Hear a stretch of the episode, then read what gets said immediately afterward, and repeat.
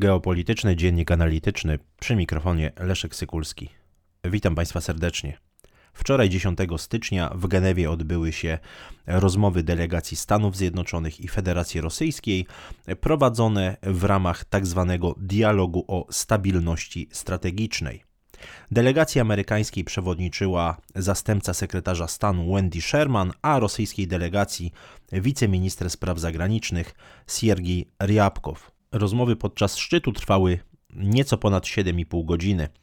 E, podczas e, trwania rozmów delegacja amerykańska przedstawiła Rosji m.in. propozycje dotyczące rozmieszczenia pocisków rakietowych czy też ograniczenia ćwiczeń wojskowych. Natomiast Stany Zjednoczone odrzuciły mm, propozycje Rosji dotyczące zakończenia tzw. Tak polityki otwartych drzwi Sojuszu Północnoatlantyckiego. Wendy Sherman podczas telefonicznej y, konferencji prasowej podkreśliła, że Stany Zjednoczone roszczą sobie prawo do y, dwustronnej współpracy z Ukrainą i nie chcą rozmawiać o Ukrainie bez Ukrainy.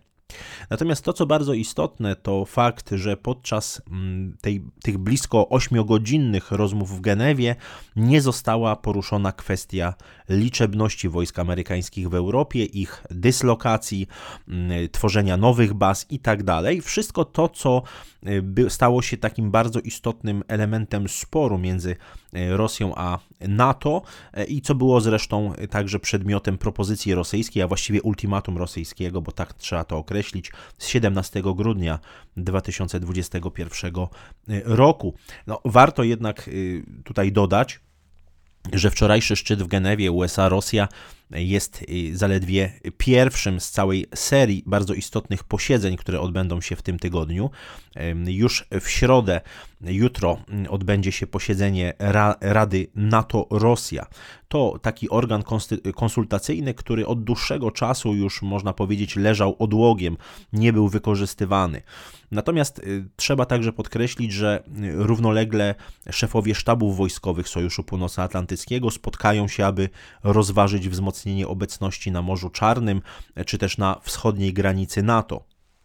Natomiast w czwartek 13 stycznia obradować będzie Organizacja Bezpieczeństwa i Współpracy w Europie, której przecież członkami są także i Stany Zjednoczone i Federacja Rosyjska. Tutaj warto podkreślić, że przewodnictwo w OBWE od 1 stycznia sprawuje Polska. Y, w tej całej układance dyplomatycznej bardzo mm, ważne jest także podkreślenie, że Unia Europejska również chce zająć stanowisko. No i w środę, czwartek i piątek mm, we francuskim Breście spotkają się ministrowie obrony i spraw zagranicznych państw Unii Europejskiej. No, tematem tych spotkań y, mają być y, no, rosyjskie żądania gwarancji bezpieczeństwa, czy też te rosyjskie propozycje nowego traktatu bezpieczeństwa w Europie, no i oczywiście możliwa reakcja na eskalację działań działań rosyjskich na Ukrainie. Mimo braku konkretnych decyzji, mimo braku konkretnych e, postanowień po szczycie e, USA-Rosja, można już pokusić się o pewne wnioski. E, przede wszystkim mm, widać, że udało się mm, uwidocznić różnice zdań e, w kolektywnym Zachodzie. No, w stosunkach z Rosją istnieją wyraźne różnice w ramach Sojuszu Północnoatlantyckiego i Unii Europejskiej, zależne oczywiście od interesu poszczególnych państw członkowskich.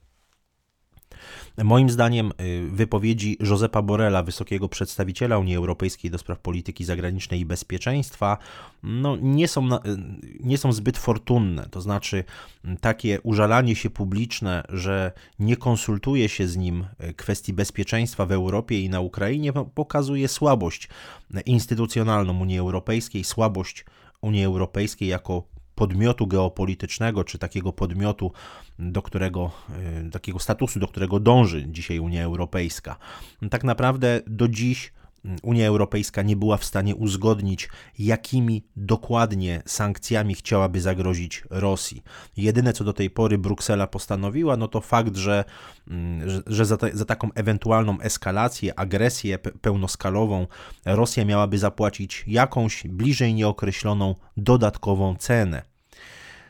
To, co oczywiście mogłoby uderzyć w interesy, w takie fundamentalne interesy Federacji Rosyjskiej, to kwestie dostaw energii. Tutaj mm, odcięcie się od tych rosyjskich dostaw energii, ale nic nie wskazuje na to, aby Unia Europejska miałaby podjąć takie, takie działania, tym bardziej, że bez rosyjskiego gazu i ropy wiele państw europejskich, w tym przede wszystkim Republika Federalna Niemiec, miałoby bardzo poważne e, problemy. W mojej ocenie tym, czego Rosja może się obawiać, to podobne obostrzenia, podobne sankcje jak w roku 2014. E, zgodnie z tymi deklaracjami, które padają i ze strony Stanów Zjednoczonych, różnych polityków, ekspertów, a także w innych krajach natowskich, ani Stany Zjednoczone, ani inne państwa NATO, chociażby Wielka Brytania, nie wyślą swoich wojsk na pomoc Ukrainie, gdyby doszło do potencjalnego konfliktu rosyjsko-ukraińskiego.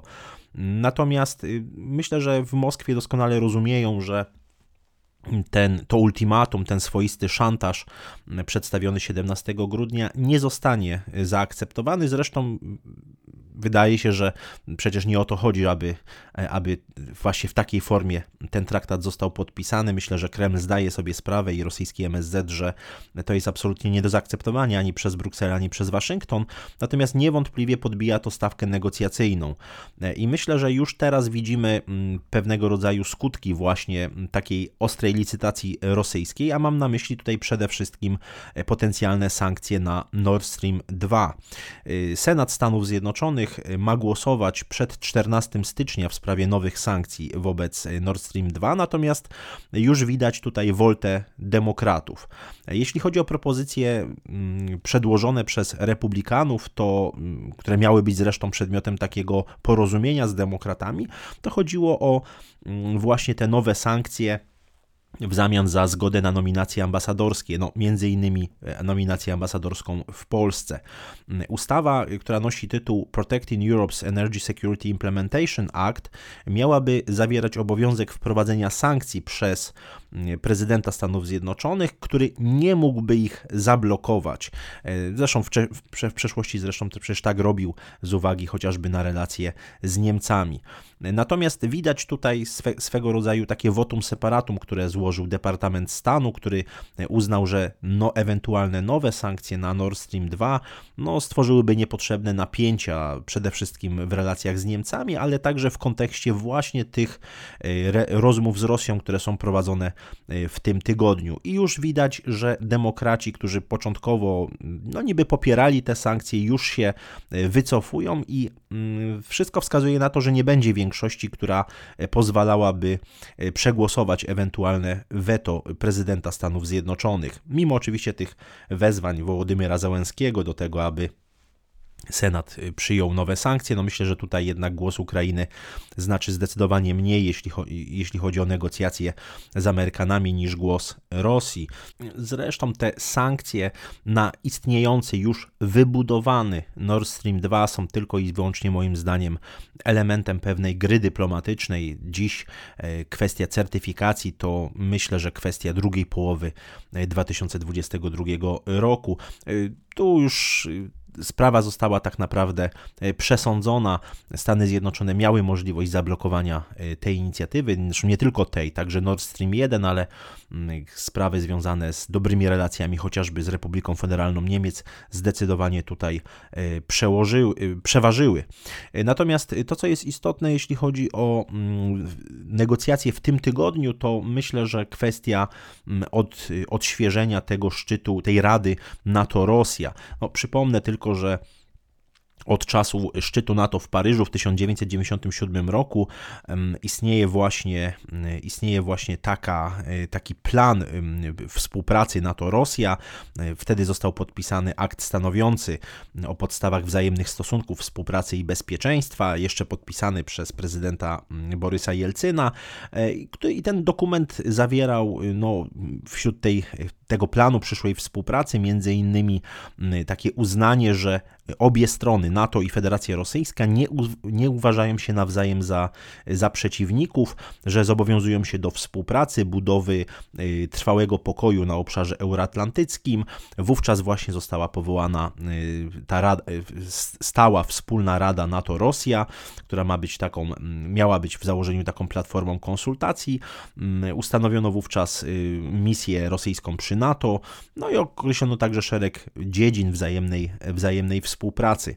Mm, pytanie oczywiście, na ile, na ile trwałe okaże się odświeżenie tej, e, tej formuły, i w tym kontekście warto także e, przyjrzeć się mm, celom rosyjskim, które, które zresztą były formułowane przez e, wiceministra spraw zagranicznych Federacji Rosyjskiej Siergieja Riabkowa.